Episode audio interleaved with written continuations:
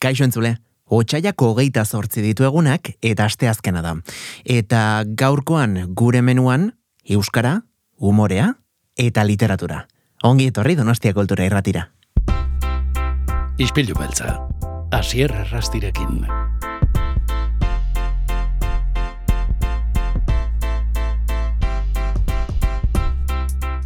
Mikel Irazusta, ongi etorri gure ispilura. Eskerrik asko. Bueno, Mikel, zer moduz, espaldiko? Ondo, ondo, ondo, ondo. Gaur ostiralean harrapatzen hau eta eta pozik egia esan. Ostiraletan beti pozik, ez da? Ostiraletan beti pozik. Gure entzulentzat eh, gaur asteazkena da, beraz, agian mm, ez daude beraiek hain pozik. Bueno, i- i- edo gai, agian bai, agian bai.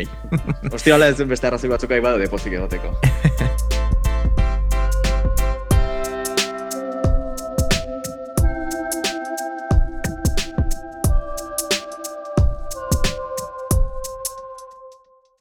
Aizu, gaur, ez dakit zu nola aurkeztu, alde batetik eh, bazeralako, ez da, bagerako kide, baina beste alde batetik ere bai, karkarkar egitasmoan, ba, aurpegi eh, ikusinetako bat ere bazarelako. Bai, eh, bueno, igual batak bestea eragin du ere bai ez, azkenean eh, bageran egoteak igual erreztu du ere bai pixkat, ba, karkarkar aurrera eramatea. Ze, hasieratik nahi izan genuen, ba, iru damatxorekin batera, eta bueno, karkarkar sartu duten hoiekin batera zerbait egin, eh, a, probalekuan ezin izan genuen bertan egon, baina esan genuen, bueno, pues, bagerak beste nola bai aportatu behar du hor, eta eta tailerrean sartu dugu hor, txe. Mhm. Em, lehenik eta behin guazen pixka bate kokatzera iruditzen mazizu, Mikel, mm, konta Bai. zer den bagera eta eta ondoren itzen dugu tailerraren inguruan. Bale, bageraren izen oso esan, esaten baden nik uste ja nahiko ulertzen dela, zer den, eta gera bagera donostiako euskaltzalen elkartea. Mhm. Bai, eta orduan, ba, gure helburua, gure elkartean donostin e, euskeraren erabiera sustatzea, ba, egiten ditugun egitasmo ezberdinekin. Eta kasu honetan, ba, egitasmo hoien artean, stand-up e, tailer bat, e, bueno, ba, jarri duzue martxan, jarriko, bueno, claro, hau emitetzen denerako, atzo izan zenuten lehen saioa, e, kar-kar-kar izan dugu hemen, e, behin baino gehiagotan, Antxon Teiaria bera ere bai, e, txiki ere aritu da, behin baino gehiagotan zuen inguruan solasean, imaginatzen dute, bueno, ba, Donostian orokorrean ba, jendeak ezagutuko duela. Egitasmo hau, baina mm, no, noizean behin izaten da, eh? gure, gure uinetan despistaturen bat, eh, aipatzea, Mikel, mm, egin kar-kar-kar, ba, dokan duela, ba, ez urte bete, beteko duen, egitasmoak, eh, martxan jarri zen, ez da, eh, bueno, ba, proiektu bat. Bai, dela. bai. Bai, em, lehenengoa izan zen maiatza bukaeran, ezak, maiatza hogeita maika edo maiatza hogeita mar, hola izan zen lehenengo probalekua gintzen aurreko urtean, 2008 irukoan. Eta egia da ordutikan egin direla beste lauzpa bost probaleku karkarkarren dokan bertan, eta gehiago zeduen aurre ikusita, bueno, e, dokako inzidentzia gertatu arte. Mhm. Baina, bueno, Esan bai, horrekin, horrekin, e, pixkat nik uste bideratu dituztela hiru damatxokoak, bueno, e, beste hiriburuetan ere bai kar kar kar eramata beste hiru hiri- hiriburuetara eta gero tailerretik e, tabakarerako kutxa kultur fundazioaren klubean nengo dugu ere bai kar kar kar probalekua.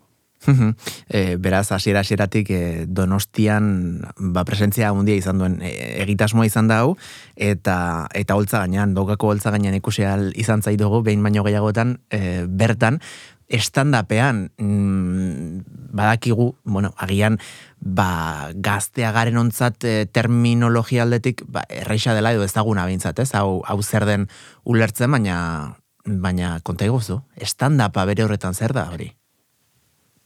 Bai, bueno, stand-upa azkenean da e, korrikari running deitzea bezala, ez? E, guk bakarrizketa bezala, monologo bezala ezagutu duguna, azkenan e, stand-up deitzen zaio ba, estatu batuetan tik etortzen zaigu gehiena, eta ba, stand-up bezala, ba, running bezala, edo muffin, em, madalenari deitzen dugu bezala. Baina horixe, bakarrizketak dira, bere gabe.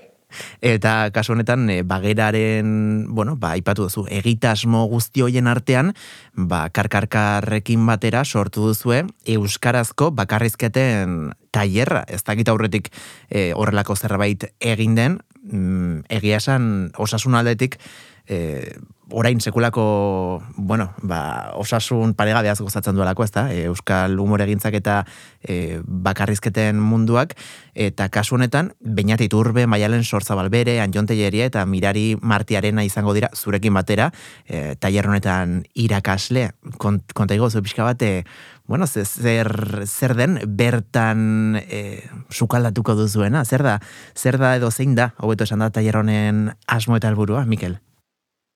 Bai, bueno, helburua da e, apirilean bertan parte hartzen dutenek eta bueno, nahi dutenek ze ausardi bat behar da ere bai estenatokira bakarrik ateratzeko. bai. e, apirilean bakarrizketa bat probatzea, bos minutu, amar minutu tartekoan. Eta orduan, lau, tailerreko lau saio hietan zehar, e, jungo gera lantzen, ba, bakarrizketa bat sortzeko prozesu ezberdina. Pertsonajearen sorrera, txisteak nola bukatu, nola lotu, eta gero ba, bakarrizketa osoaren egitura ere bai. Eta hori guztia egin ondoren, idatzi beharko dute, bakarezketa bat, bost amar minutukoa, ba hori, apirilean probatzeko. Baina, bueno, zakite, bageraen aldetik zer nolako valorazio egiten duzuen, e, jende animatu da, ez?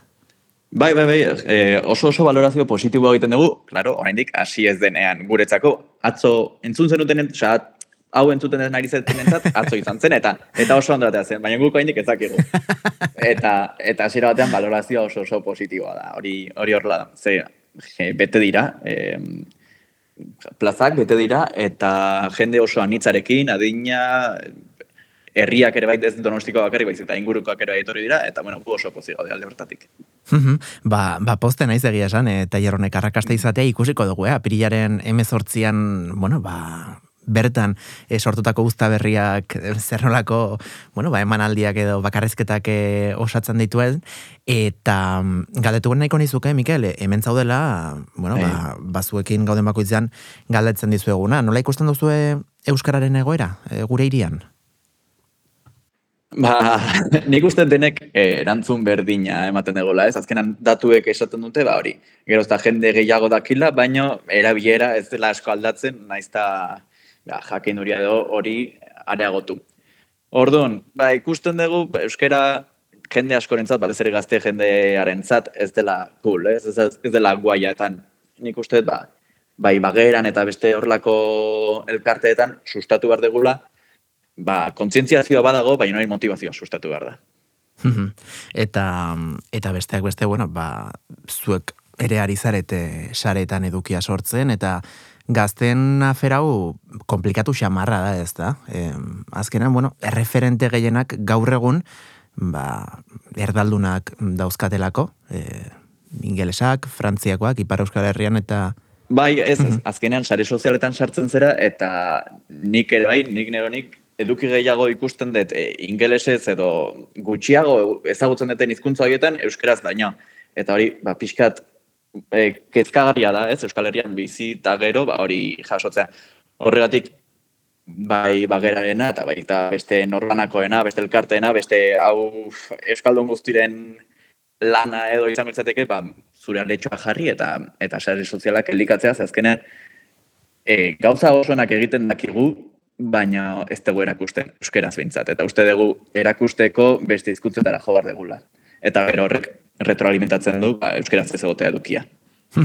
Eta kasu honetan zuek aletxo bat baino gehiago ipini duzu ez, e, tailer honekin izan ere, bueno, ba irudamatxok egin duen bezala, mm, demostratu duzu, eh? E, Mikel Zuk eta, eta gainontzeko umoregilek umorea egin daitekela, zoragarria gainera euskeraz, gure hizkuntzan eta eta sekolako arrakasta duela. Mm, gutxitz egiten da, bueno, ze denbora gutxian saltzen edo saldu diren orain arte behintzat e, Donostiako kafeantzokiko zuen estandapeko sarrerak, eh?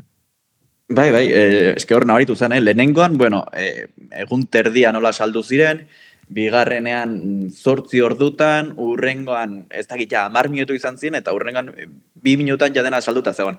Eta hor ikusten da, hasieran jendeak etzekila oso ondo zertzen, eta bueno, alarez, umorean naizun, Baina gero jendeak errepikatu nahi izan du, e, eta ja borroka bat bezala bihurtu da, sarrerak lortzea. Egia esan, entxufismoa bai pixka behar, behartzen, zure lagunak bertara eramateko.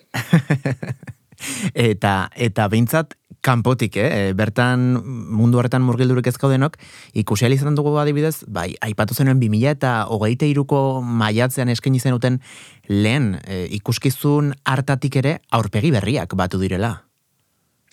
Bai, e, egia esan, bueno, guk ere bai, han ezagutu genuen jende asko, ba, hori, umorean zebiena eta bakarizketak egiten eta, baina ezagutzen egiten, ba, hori, sare sozialetan gauzak igotzen zituztelako, edo, baina karkarkarrek egin duna ere bai izan da, ba, umoregiak batu, eta guk orain, adiez, lauzpa bost taldea dukagu, mm ba, bertan elkartu ginen bost e, bakarizketalarirekin. Beraz, e, pixkanaka pixkanaka ari zarete ez, saretzen eta imaginatzen dut horrek ere nola biteko babes emozional eta moral bat ere emango dizula, azkenean e, txikirekin hitz egin genuen duela gutxi, bestela oso bakartia delako ez da, umoregilaren bizi modu hori, azkenean e, kotxe hartu eta eta berreun kilometro mm, ba, ez dakit dagoen herri batera joan, bertan zuen ikuskizun eskine eta ondoren berriro ere, gaueko ordu txekitan ba, etxera itzultzea. Behintzat, taldean edo ez, e, nola bitere guzti hau ba, xamurragoa e, bilakatuko da, imaginatzen dut. Bai, bai, azkenean, e, bakarrizketalarien mundua oso oso bakartiaz, ez ez ez ez teknikori behar, orduan teknikori ere ez ez ematen, e, dena bakarrik egiten duzu, incluso hor, estenatoki gainen nabi bakar bakarri zaude, edo zein akatz, edo zein publikoren aurrean, e, isiltasuna ere bai aldizutena eman, eta momentu oso oso gogorrak dira bakarrik bizitzeko. Eta hori, bat alde batekin jutaren babesak, egia esan, e, nik uste dut, bai, harintzen dula emanaldia bera, ze igual umoregilo bat etzaizu gustatzen, urrengo lauak bai, eta hori publikoaren ondo dago, eta guretzako ere bai, momentu honetan, motza egiten zaizu, baina momentu zaitan eskertzen dezu ere bai, da hori, ez? Ordu bete hori, bost pertsonen artean banatu behar izatea. Ba, Mikel Irazusta, e, espero dugu tailerra primeran joatea, lau saio dituzue, eta ziur apirilaren, e, bueno, ba, emezortzia baino lehen, berrirore mentxe bueltan zaitugula, ba, kontatzeko pixka bat, e, zuen e, barruan, bueno, ez, tailerronen e, tripetan nola jarduntzareten, eta eta ea, ba, aurpegi berri gehiago ere, ikusten dut e, bagerak eta karkarkar egitasmoak e, bueno, ba, osatu duzuen taller honi esker. Mikel Irazusta, eskerrik asko? Bai, zuri, zuri. Txori bat kolpatu da kristalaren kontra nirekin diardu nirekin diardu besterik ez besterik ez, besterik ez.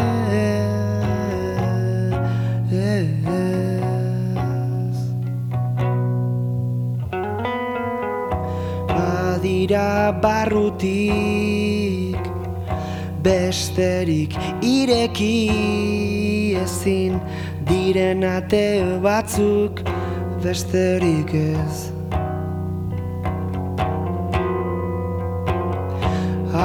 Aste luzia behar dudan guztiak datza zure bizkar biluzia zure Espainien gorrian besterik ez besterik ez besterik ez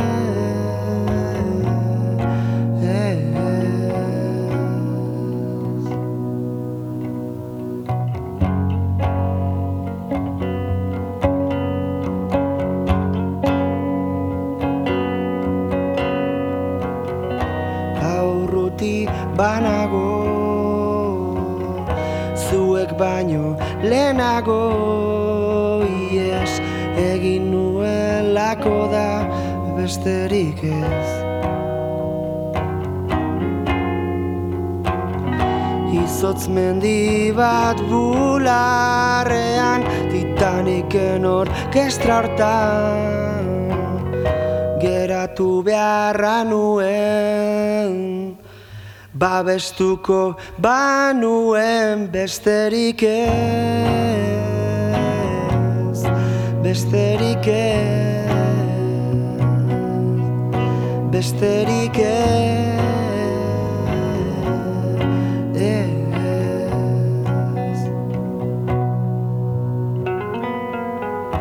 batzutan I love you idazten diogu elkarri maite zaitut batek ikaratzen gaitu besterik ez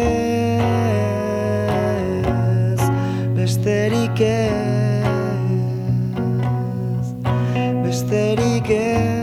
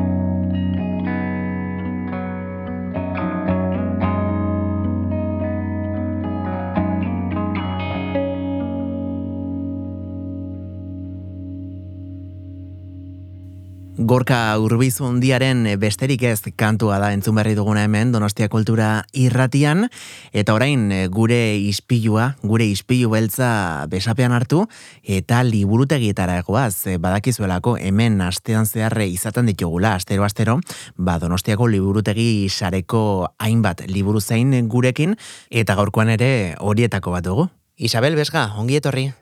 Kaixo, egunen.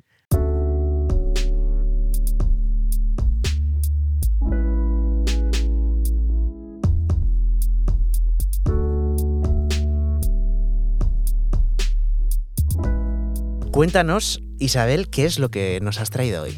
Hoy, hoy se trata de una novela que acaba de publicarse, se llama La Dieta y el autor es Bernard Schlink. Está editada por Anagrama ahora en septiembre pasado. Eh, Bernard Schlink, el autor, es, es, un autor nacido en Alemania en 1944, tiene por tanto 79 años. Él es escritor, es jurista también, ha sido juez del Tribunal Constitucional de Renania, eh, es también profesor de Historia de la Ley. Es un autor alemán muy conocido por ser el autor de una novela que en 1995 fue un bestseller mundial que luego se adaptó al cine. La novela se llamaba El lector. Eh, la adaptación al cine también tuvo una fama tremenda. Kate Winslet, que era la protagonista, Sí. eh, ganó el Oscar con, con su trabajo allí. Y el director Stephen, Stephen Daldry, muy, también muy reconocido. Bueno, es un escritor, es un escritor, eh, una persona que quiere reflexionar sobre la sociedad en la que vive. En alguna, en alguna entrevista he leído que él se plantea ser la memoria de una nación. Bueno, Ah. a su nivel, claro, ¿verdad? Claro. Pero Alemania, que él es alemán y habla de Alemania. Entonces, Alemania que ha vivido un siglo XX tan convulso, para él ser alemán, eh, porque siente que tiene que hablar de su sociedad y de cómo y de cómo se, se viven las contradicciones que, que en todas las sociedades hay, para él ser alemán es una carga, lo vive como una carga. Por eso es muy curioso, cuando es una persona muy reflexiva, muy en sus entrevistas lo que denota es eso, que es muy muy reflexivo y muy a- alguien que quiere transmitir, aunque su lenguaje es muy sencillo y muy y muy fácil y muy ágil, eh, tiene una carga muy profunda, siempre tiene un sentido muy profundo todas sus historias. Y en concreto, ahora que estabas diciendo que te, la Sí. sinopsis te había impresionado de esta novela, si quieres te cuento algo del argumento para que Sí. hablemos sobre ello, si quieres. Claro. Sí, cuéntanos cuál es la, la premisa principal. Eso es, mira, el personaje principal de toda la trama es Caspar. Ujú. Caspar es un hombre en sus sesenta y pico, es librero y está profundamente enamorado de su mujer Birgit, con la que está emparejado desde el año 65, 1965. Se conocieron en, Birli- en Berlín y Berlín en el 65, claro, estaba dividida por el muro. Birgit era ciudadana de la Alemania Oriental, de la RDA, de la Oriental Comunista, y Caspar era de la Alemania Occidental, de la República Federal Alemana Ajá. se enamoran y con la ayuda de Caspar, eh, Birgit escapa de la, de, la, de la República Democrática y eh, escapa para vivir con él en Berlín, en el Berlín occidental. 40 años más tarde, esto es la, la primera parte de la novela en la que relatan un poco lo que, lo que fue su historia de amor, ¿no? Y pero luego pasan 40 años y Birgit muere. Entonces Caspar descubre entre sus papeles un manuscrito en la que en el que ella revela parte de su pasado. En particular, el abandono de su hijo recién nacido poco antes de su paso por Ale- de Alemania del Este a, a Alemania del Oeste. Eso ha sido un secreto. Eh, Caspar no sabía que Brigitte había tenido un hijo. No se lo había revelado en todos los años de relación, a pesar de que habían sido una pareja que se entendía y eh, enamorados. Y esto también es una reflexión que hacer sobre el cómo los secretos personales y el cómo la, eh, la relación puede ser una relación muy bien consolidada y muy tal, y sin embargo cada uno tener algo como muy íntimo que nunca cuenta, ¿no? Y que por otro lado le marca en la vida. Claro, claro, Sí. fue, fue un poco el precio ¿no? que tuvo que pagar eh, Birgit por, por irse a vivir al otro lado del muro con, con Caspar en este Sí, caso. eh, tal, co- tal como lo cuenta, ella lo decidió, ella tenía 20 años y no, no, no quería tener un hijo. Entonces se había Mm. quedado embarazada y, y bueno, pues, pues decidió darlo y se acabó. No quiso ni saber cómo ni nada, ¿no? Ajá. Pero ¿qué pasa? Que luego a lo largo de la vida, que ella nunca habló de eso, eh, sí fue algo que le pesó. Y entonces en el manuscrito sí que plan- sí se ve que ella planeaba encontrar a ese hijo imaginaba dónde podía vivir, pero nunca dio el paso de ir a buscarle. Entonces Caspar, una vez que en pleno duelo, porque él sufre mucho al ver que al ver cómo muere su mujer, decide descubrir quién es el hijo de, de Birgit. Entonces quiere encontrarle para hablarle pues de su madre, para cumplir el deseo de Birgit, sobre todo, ¿no? Eh, va la- en fin, se va moviendo por las pistas que tiene y descubre que Birgit tuvo una hija que se llamaba Esenia que actualmente vive en un pueblo de Alemania Oriental que es una comunidad volkisch. Y aquí la comunidad volkisch, pues claro, dices, ¿qué será una comunidad volkisch? Bueno, pues son neonazis que se organizan entre ellos en el campo. Su ideología, claro, por ser neonazis es de extrema derecha, pero tiene un toque ecológico que les hace pues más cercanos a nuestros tiempos, a nuestra sensibilidad actual, ¿no? Pero sueñan con la gran Alemania, está apegada a las tradiciones, a los antiguos mitos, reclaman la Alemania para los alemanes, estaba, su ideología está basada en la superioridad étnica aria y en la evocación del Reich y de los dirigentes. ¿Qué pasa? Que Senia vive ahí, está plenamente integrada y tiene una hija que se llama Sigrun. Esta es la nieta, la nieta protagonista de la novela. Es hija de Senia. Vale. Entonces, Caspar, cuando les conoce, se plantea acercarse a Sigrun, conseguir su amor, su respeto, ser un auténtico abuelo para, para esa niña, ¿no? Sigrun, Sigrun es adolescente, tiene 14, 15 años, es muy inteligente, pero está completamente atrapada en los pensamientos de su comunidad, porque es racista, es antisemita, es negacionista del holocausto. Entonces, él, él quiere abrirle a otro mundo mayor, ¿no? Porque al fin y al cabo ella ha vivido en esa comunidad, se ha criado ahí y eso es lo que conoce, pero el mundo es mucho más que eso. Él vive en Berlín y él plantea a la familia que la nieta pueda ir pasar una semana cada cierto tiempo con él en Berlín. Entonces acceden y se da cuenta que la chavala, pues eso, es muy viva y que la música le encanta. Y piensan que, él piensa que a través de la música puede llegar a su sensibilidad y puede llegar a enseñarle el mundo por la música. Entonces poco a poco él se va introduciendo en su vida y bueno, es una preciosidad. Wow. Hasta ahí puedo leer. No, qui- Nunca- no quiero nunca mejor seguir dicho. porque no quiero destripar, ¿no? Pero no es que no es que haya, bueno, no es que, eh, como decirte, no hay una trama, no, mm, es la trama novelesca no es de intriga. O sea, realmente Claro. todo esto se plantea en las primeras páginas o en la primera parte de la novela, son tres partes en la primera parte de la novela y ya luego es la relación entre ellos dos, ¿no? No, ¿qué pasa? Que cuando estás hablando de Sigrid y estás hablando de, de Sigrid, perdona, de Sigrun, perdona, Sigrid no, Judith, la, la, la fallecida, y Sigrun, que es la nieta. Cuando hablas de Sigrun, estás hablando de un neonazi, de un neonazi joven, su claro. madre también, eh, también es neonazi, claro, escapada de la República Democrática Alemana.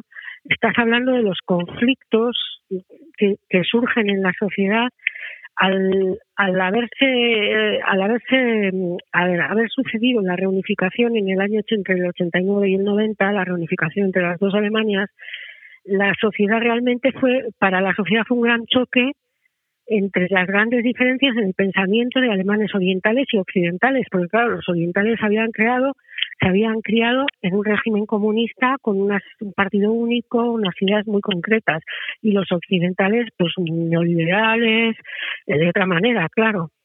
Entonces, eh, la sociedad alemana no es maniquea, porque tal como lo vemos desde fuera, pensamos que la reunificación pues fue muy positiva para los Mm. eh, para los de la República Democrática, Sí. porque empezaban a vivir con un poquito más de, de desahogo económico y con posibilidades de otro tipo de trabajos y no sé qué, y la libertad y tal, y que para los eh, para los eh, alemanes alemanes de la República Federal, pues fue el volver otra vez al sueño alemán y a aceptar a los hermanos que pobres han sufrido, tará, tará. Bueno, pues todo eso, tal como lo cuenta él, es un juego de maniqueo de buenos y malos que no es real. La sociedad es muchísimo más compleja, ¿no? Sí, sí, totalmente. Y por desgracia, mm, podemos eh, llegar hasta simpatizar ¿no? con lo que nos quiere transmitir este autor, porque bueno, nosotros también hemos vivido y, y seguimos viviendo un, un conflicto en, en nuestro país y, y es verdad que al final eh, el autor aprovecha para hablar de esas dos Alemanias, ¿no? que muchas veces eh, se habla de los conflictos desde una manera muy... bueno, un poco narrando lo sucedido, pero no, no desde la perspectiva ¿no? personal. Y, y- en este caso, eh, Bernard Schlink eh, usa ¿no? como excusa a varios personajes para realmente transmitirnos cómo eh, se ha vivido ¿no? toda esa realidad. Es. eh, porque Sí. él al final, el autor ya tiene casi 80 años y, Sí. y él pues ha vivido muchas cosas también. Entonces, eh, Claro. ¿no? más allá de los libros de, bueno, pues de estos libros de historia, él nos trae un poquito, ¿no? La realidad alemana, pero a través de emociones y vivencias humanas. Es que es eso, es eso, sí. O sea, la trama partiendo de una situación particular, que es una persona como él, que está viviendo el duelo de su esposa, que se plantea de repente que hay una, una hija, un hijo por ahí, que va a ir a buscarle, se introduce en, en un análisis de la sociedad alemana. O sea, partir, partiendo de algo muy particular, está hablando de la sociedad de Alemania actual, Claro. donde la unificación de las dos Alemanias pues casi no ha sido un proceso sencillo, ¿no? Entonces, bueno, también habla mucho del desarraigo que viven los alemanes de la República Democrática, que criados en otros valores y con una formación, la que sea, se han encontrado en la República Federal, en la Nueva Alemania, se han encontrado con que lo que ellos creían no, no, no, no era así, ¿no? Y eso hace que surjan conflictos sociales y con sentimientos ultranacionalistas, que es lo que plantean los, los neonazis, y luego por otro lado posiciones, como decía, neoliberales. Entonces, la realidad, pues una vez más, tiene mucha complejidad. Es muy interesante. En el fondo también está el auge de la extrema derecha. Es muy interesante la novela, la verdad es que sí. Y además es magnífica porque su, su estilo narrativo y su lenguaje son, son muy sencillos. Resulta muy fácil, pero sin renunciar a la profundidad. Eh, no, te, quería decir, Isabel, que a lo mejor eh, la nieta es un ejemplo de cómo también podemos aprender, ¿no? De, de, de historia o sobre historia de una manera diferente. Sí, sí, sí, sí, claro que sí. Yo creo que en novelas como esta, todos los personajes, porque el personaje de la madre, la madre, eh, la que vive en la, en la comunidad con su hija, eh, es también muy curioso porque ella se rebeló contra sus padres que eran comunistas clásicos. Entonces para para como rebelarse contra ellos pues se convirtió en extrema derecha. En extrema derecha violencia drogas en fin. No quiero contarte más. Prefiero que cuando lo leas disfrutes de la de la novedad no de, de lo que es de lo que es ver los efectos que tiene claro eh, la sociedad en la que vives en tu propia vida personal no y cómo Ujú. vas tirando por un lado por otro a la nieta al fin y al cabo pues la nieta y el abuelo le surge la oportunidad de la relación con este abuelo que le abre otro mundo, que le abre otras posibilidades, otra manera de pensar, le saca de su mundo tan estrecho de la gran Alemania, de la Alemania aria, la Alemania, los antiguos, eh, en fin, los antiguos ritos, las runas. Está todo eso también tan, tan bien contado de una manera tan exquisita que yo entiendo que esta novela es una novela mm, especial, vamos, es una novela que va a marcar. Sí. Está teniendo buenas críticas, claro, como no podía ser de otra manera. Antes está editada en Francia, en febrero pasado se editó en Francia y tuvo unas críticas magníficas. Sí, o sea que es eh, algo muy reciente y, Muy y reciente. del que todos vamos a poder disfrutar en las bibliotecas Sí, de Donosti, sí. en las tiendas de libros, todo aquel que quiera, bueno, pues disfrutar de, ¿no? de un buen rato y, y sobre todo Eso aprender y, y sentir emociones también a través de este libro, pues aquí Sí. la propuesta de Isabel Vesga. Eh, antes, de, antes de despedirnos, Isabel, eh, nos has traído una canción que tiene mucho que ver, ¿no? Con esta novela. Sí, sobre todo el autor de la canción, Eric Satie. Eric Satie fue un compositor francés del siglo XIX, segunda mitad del siglo XIX, siglo XX hasta los años 20, eh, muy reconocido en su momento porque era muy era muy rompedor con, con el tipo de música que se estaba haciendo hasta entonces. Él, planteó un minimalismo en la música, ¿no? Sobre todo sus, sus creaciones son para piano. Entonces, bueno, la protagonista, la nieta, la nieta quiere tocar piano, quiere aprender a tocar el piano y uno de los autores que le gusta es Satie. Es la manera también, como he dicho antes, de, de acercarse el abuelo a la sensibilidad de la niña, ¿no?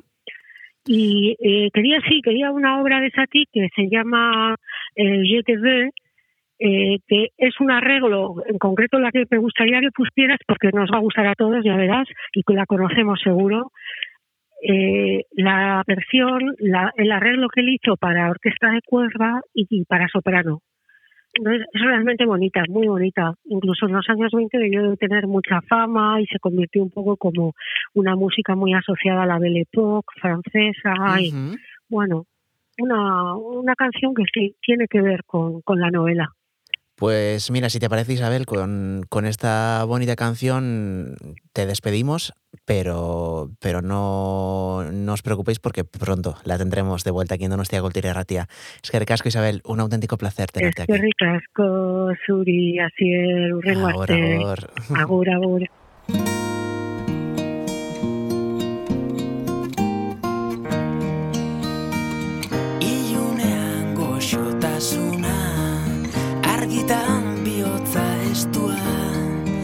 Seguro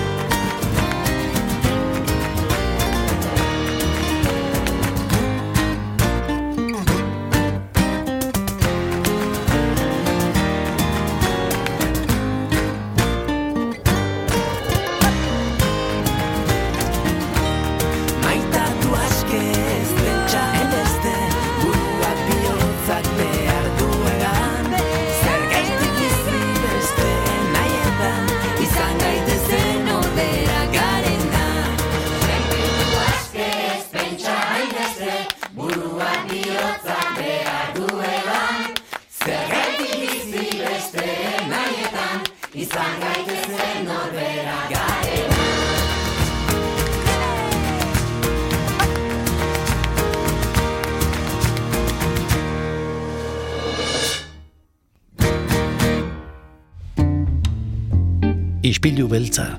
Astelenetik ostiralera, asierre rastiren eskutik, donostia kultura irratian, edo dena delako podcast. Podcast plataforman.